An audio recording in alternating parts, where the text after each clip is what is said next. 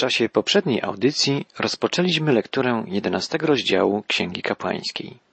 We wstępnych rozważaniach zwróciliśmy uwagę na fakt, że w przepisach regulujących dietę ludu izraelskiego wyraża się zarówno troska o zdrowie ludzi, jak i zabieganie o ich czystość moralną.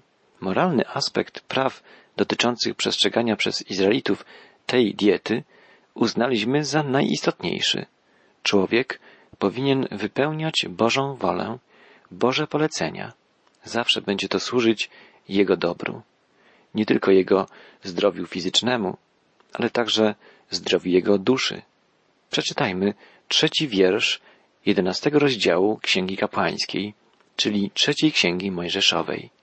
Będziecie jedli każde zwierzę czworonożne, które ma rozdzielone kopyta, to jest racice, i które przeżuwa. Jest tu podana zasada, według której dokonywany ma być wybór zwierząt czystych.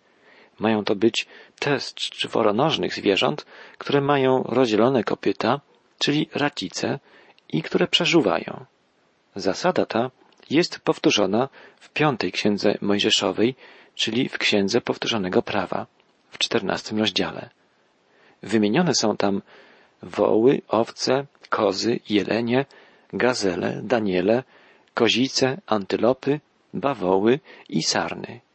Księga powtórzonego prawa podaje pełną listę zwierząt czystych, bo księga ta koncentruje się na tym, co pozytywne. Księga kapłańska natomiast podaje przykłady zwierząt nieczystych, ponieważ koncentruje się na negatywach. Podział między zwierzętami czystymi i nieczystymi jest wyraźny, ostry, mimo że nie jest to nowe przykazanie. Trzeba tu podkreślić, że podział ten nie ma związku z naturą owych zwierząt, z ich zachowywaniem się, ale decydujący jest tu czynnik zdrowotny. Niektóre narody, na przykład Persowie, uważali, że część zwierząt została stworzona przez dobrego Boga, a część przez złego Boga. Nie jest to prawdą. Bóg stworzył wszystkie zwierzęta. Każde z nich ma określone miejsce w świecie przyrody. Uznanie niektórych zwierząt za nieczyste nie jest spowodowane jakimiś złymi cechami ich natury, a jedynie jest wskazaniem, że dla zdrowia człowieka nie jest dobre spożywanie ich mięsa. Na przykład lew, zaliczany do zwierząt nieczystych, jest równocześnie zwierzęciem, które symbolizuje postać Jezusa, a także plemię Judy. Biblia mówi o Jezusie jako o lwie z pokolenia Judy. Nie ma żadnych podstaw, by uważać, że natura zwierzęcia ma jakikolwiek wpływ na jego ciało, a tym bardziej, że może być przekazywana na człowieka spożywającego jego mięso. Takie wierzenia występują wśród niektórych ludów pogańskich, a także wśród wyznawców współczesnych kultów i sekt. Natura zwierzęcia nie jest transformowana na tego, który spożywa jego mięso. Jest to pozbawione jakichkolwiek podstaw, przesądne wierzenie. Niektórzy wegetarianie uważają, że ludzie stają się okrutni, dlatego że spożywają mięso zwierząt. Nie stwierdzono, by taki pogląd miał jakiekolwiek uzasadnienie. Wśród wegetarian są również ludzie okrutni i agresywni. Zło pochodzi z serca człowieka, a nie z jego żołądka. Przekazany Izraelowi podział na zwierzęta czyste i nieczyste jest częścią planu Boga, pragnącego oddzielić, wyróżnić naród izraelski spośród innych nacji. Nawet dzisiaj słowo koszerny jest rozumiane jednoznacznie odbierane przez wszystkich. Bóg pragnie, by Izrael przypominał ciągle o tym, że żyjemy w świecie wyborów i że i my musimy w swoim życiu dokonywać wyborów. Bóg wybiera swój lud i pragnie, byśmy i my wybrali Jego. Są tu dla nas, chrześcijan, zawarte pewne duchowe aplikacje. Interesujące jest na przykład to, że pojęcie medytować pochodzi od opisu przeżuwania strawy przez zwierzę. Pierwszym psalmie czytamy, że powinniśmy dniem i nocą rozważać Boże prawa. Powinniśmy nad nim medytować, jak gdyby przeżuwać je. Przeżuwanie przez zwierzę pokarmu jest dobrym obrazem medytacji nad Bożym Słowem. Powinniśmy się Słowem Boga karmić, brać z niego jak najwięcej, czerpać z niego siłę do życia. Bardzo silna jest zależność tego, w jaki sposób żyjemy jako chrześcijanie, od właściwego, regularnego karmienia się Bożym Słowem. Apostoł Paweł pisał do Tymoteusza: Trwaj w tym, czego się nauczył i czego jesteś pewny, wiedząc od kogo się tego nauczył. I ponieważ od dzieciństwa znasz Pisma Święte, które cię mogą obdarzyć mądrością ku zbawieniu przez wiarę w Jezusa Chrystusa. Bądźmy wykonawcami słowa, a nie tylko słuchaczami, oszukującymi samych siebie, wzywa nas apostoł Jakub w swoim liście. Jeszcze raz podkreślmy tę ważną prawdę, że jakość naszego chrześcijańskiego życia jest zależna od stopnia przyswojenia przez nas treści Pisma Świętego. Zależna jest od stopnia zrozumienia i zastosowania Bożych prawd w naszym życiu na co dzień. Chrześcijanin studiujący Biblię i rozważający jej treść, medytujący nad prawdami w niej zawartymi, będzie różnił się w swoim zachowaniu, w swoich czynach i w swoich słowach od otaczających go ludzi. Jeśli będzie stosował poznane prawdy w praktyce, będzie rozpoznawany jako Boże dziecko. Przeczytajmy następny fragment jedenastego rozdziału Księgi Kapłańskiej od wersetu czwartego do ósmego. Następujących zwierząt, mających rozdzielone kopyto i przeżuwających, nie będziecie jedli. Wielbłąd, ponieważ przeżuwa, ale nie ma rozdzielonego kopyta, będzie dla was nieczysty. Świstak, ponieważ przeżuwa, ale nie ma rozdzielonego kopyta, będzie dla was nieczysty. Zając, ponieważ przeżuwa, ale nie ma rozdzielonego kopyta, będzie dla was nieczysty. Wieprz, ponieważ ma rozdzielone kopyto, ale nie przeżuwa, będzie dla was nieczysty. Nie będziecie jedli ich mięsa, ani dotykali ich padliny. Są one dla was nieczyste. Jest tu wyszczególniona lista zwierząt nieczystych. Najprawdopodobniej wymienione są tu zwierzęta, co do których rodziły się wątpliwości i pojawiały się pytania. Oczywiście nie ma tu zwierząt drapieżnych, bo one wykluczone były z góry, jako że tylko zwierzęta roślinożerne przeżuwają. Jest i dzisiaj wiele kontrowersji co do tego, w jakim stopniu możemy jeść mięso na przykład wieprzowe. Nie jest ono najzdrowsze, nie jest lekkostrawne. Świnia jest przykładem zwierzęcia, które zjada duże ilości pokarmu, nie przeżuwając go. Izraelitom nie wolno było dotykać padliny nieczystych zwierząt. Następnie czytamy o istotach żyjących w wodzie. Będziecie jedli następujące istoty wodne. Wszystkie istoty wodne w morzach i rzekach, które mają płetwy i łuski, będziecie jedli. Ale każda istota wodna, która nie ma płetw albo łusek w morzach i rzekach, spośród wszystkiego, co się roi w wodzie i spośród wszystkich zwierząt wodnych, będzie dla was obrzydliwością będą one dla was obrzydliwością, nie jedzcie ich mięsa i brzydźcie się ich padliną. Wszystkie istoty wodne, które nie mają płetw albo łusek, będą dla was obrzydliwością. Wszystkie zwierzęta żyjące w wodzie, aby zostać uznanymi za czyste, musiały charakteryzować się dwoma widzialnymi znakami płetwami i łuskami. Dotyczyło to zarówno ryb słodkowodnych, jak i morskich. Wszystkie istoty pełzające uznawane były za nieczyste. Izraelici dokonywali połowów w Morzu Śródziemnym, w jeziorze galilejskim i w rzece Jordan. Ryby odgrywały dużą rolę w diecie żydowskich rodzin. Jedna z bram Jerozolimy została nazwana rybną bramą. Wiemy, że Jezus we wczesnym okresie swej misji przebywał często nad jeziorem Genezaret na pierwszych swoich uczniów powołał rybaków. Uczynił z nich potem rybaków ludzi. Jezus opowiedział też przypowieść, w której Królestwo Niebieskie przyrównał do sieci rybackiej, zagarniającej dobre i złe ryby. W jaki sposób rybacy oceniali, które ryby są złe, a które dobre?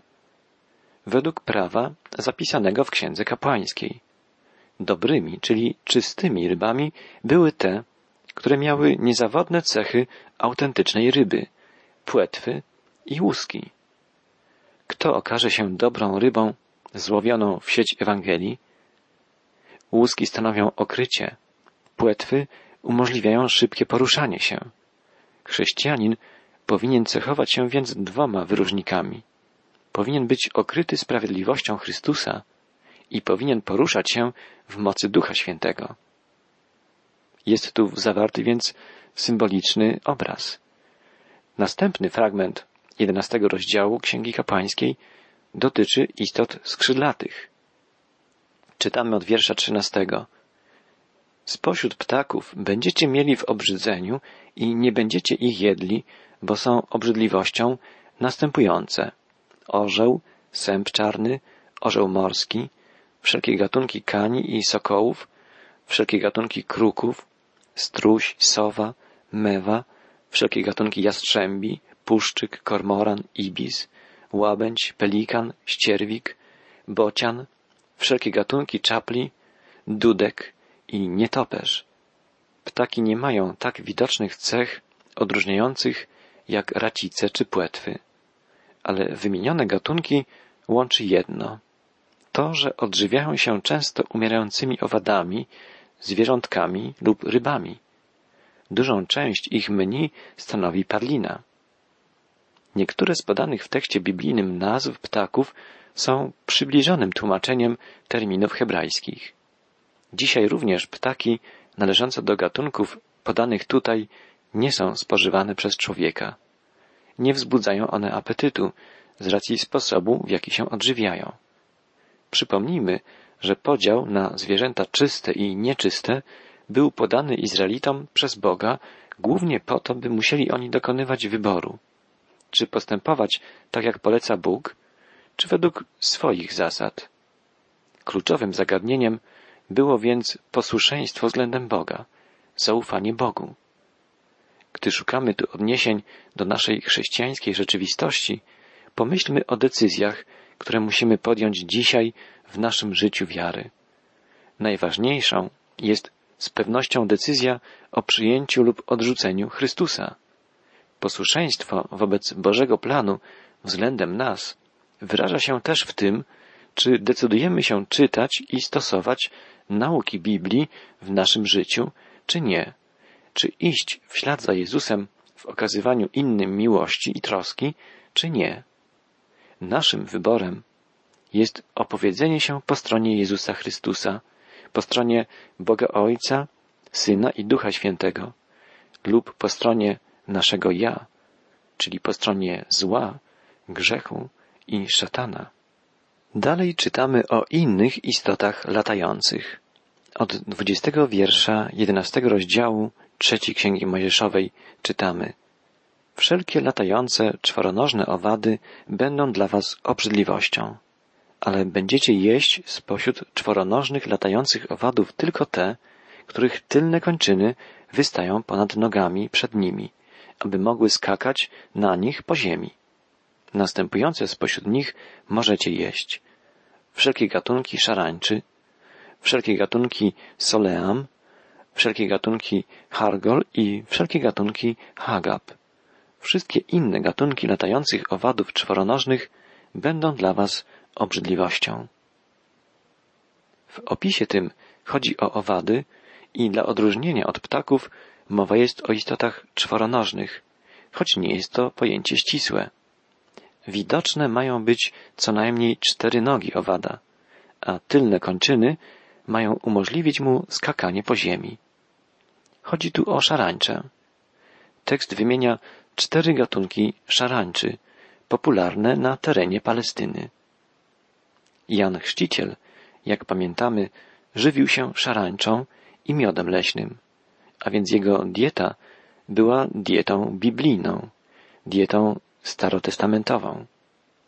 Dalej czytamy od wiersza 24. następujące zwierzęta czynią człowieka nieczystym. Każdy, kto dotknie się ich padliny, będzie nieczysty aż do wieczora. Każdy, kto będzie nosić ich padlinę, wypierze ubranie i pozostanie nieczysty aż do wieczora. Każde zwierzę, które ma kopyta, ale nierozdzielone i nie przeżuwa, będzie nieczyste dla was. Każdy, kto się go dotknie, będzie nieczysty. Każde zwierzę czworonożne, które chodzi opierając się na stopach, będzie nieczyste dla was. Każdy, kto dotknie się jego padliny, będzie nieczysty aż do wieczora. Każdy, kto będzie nosić ich padlinę, wypierze ubranie i pozostanie nieczysty aż do wieczora. To są rzeczy nieczyste dla was. Ludowi izraelskiemu nie wolno było nie tylko spożywać zwierząt nieczystych, ale również dotykać ich padliny. Człowiek stawał się nieczysty poprzez kontakt, poprzez zetknięcie się z padliną. Jest tu zawarta ważna zasada, sformułowana po raz pierwszy po powrocie Izraela z niewoli. W księdze Aggeusza czytamy w drugim rozdziale Tak mówi Pan zastępów. Zapytaj kapłanów o orzeczenie w takiej sprawie. Gdy ktoś niesie poświęcone mięso w podołku swojej szaty i dotknie nim chleba, albo gotowanej potrawy, albo wina, albo oliwy, albo jakiegokolwiek pokarmu, to czy ten pokarm staje się wtedy poświęcony? Kapłani odpowiedzieli, nie. Wtedy Ageusz zapytał, gdy ktoś stał się nieczysty wskutek dotknięcia zwłok i dotknie którejś z wymienionych rzeczy, to czy staje się ona nieczysta? Na to odpowiedzieli kapłani, tak, staje się nieczysta. Czystość czy świętość nie jest więc przekazywana przez kontakt, dotknięcie. Nieczystość, brud, grzech jest przekazywany w ten sposób.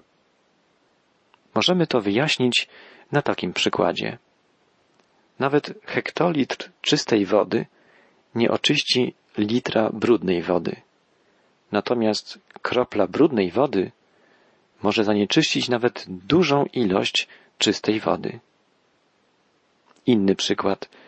Niegrzeczne dziecko nie zmieni się w grzeczne przy zetknięciu się z przykładnym, dobrym chłopcem czy dziewczynką.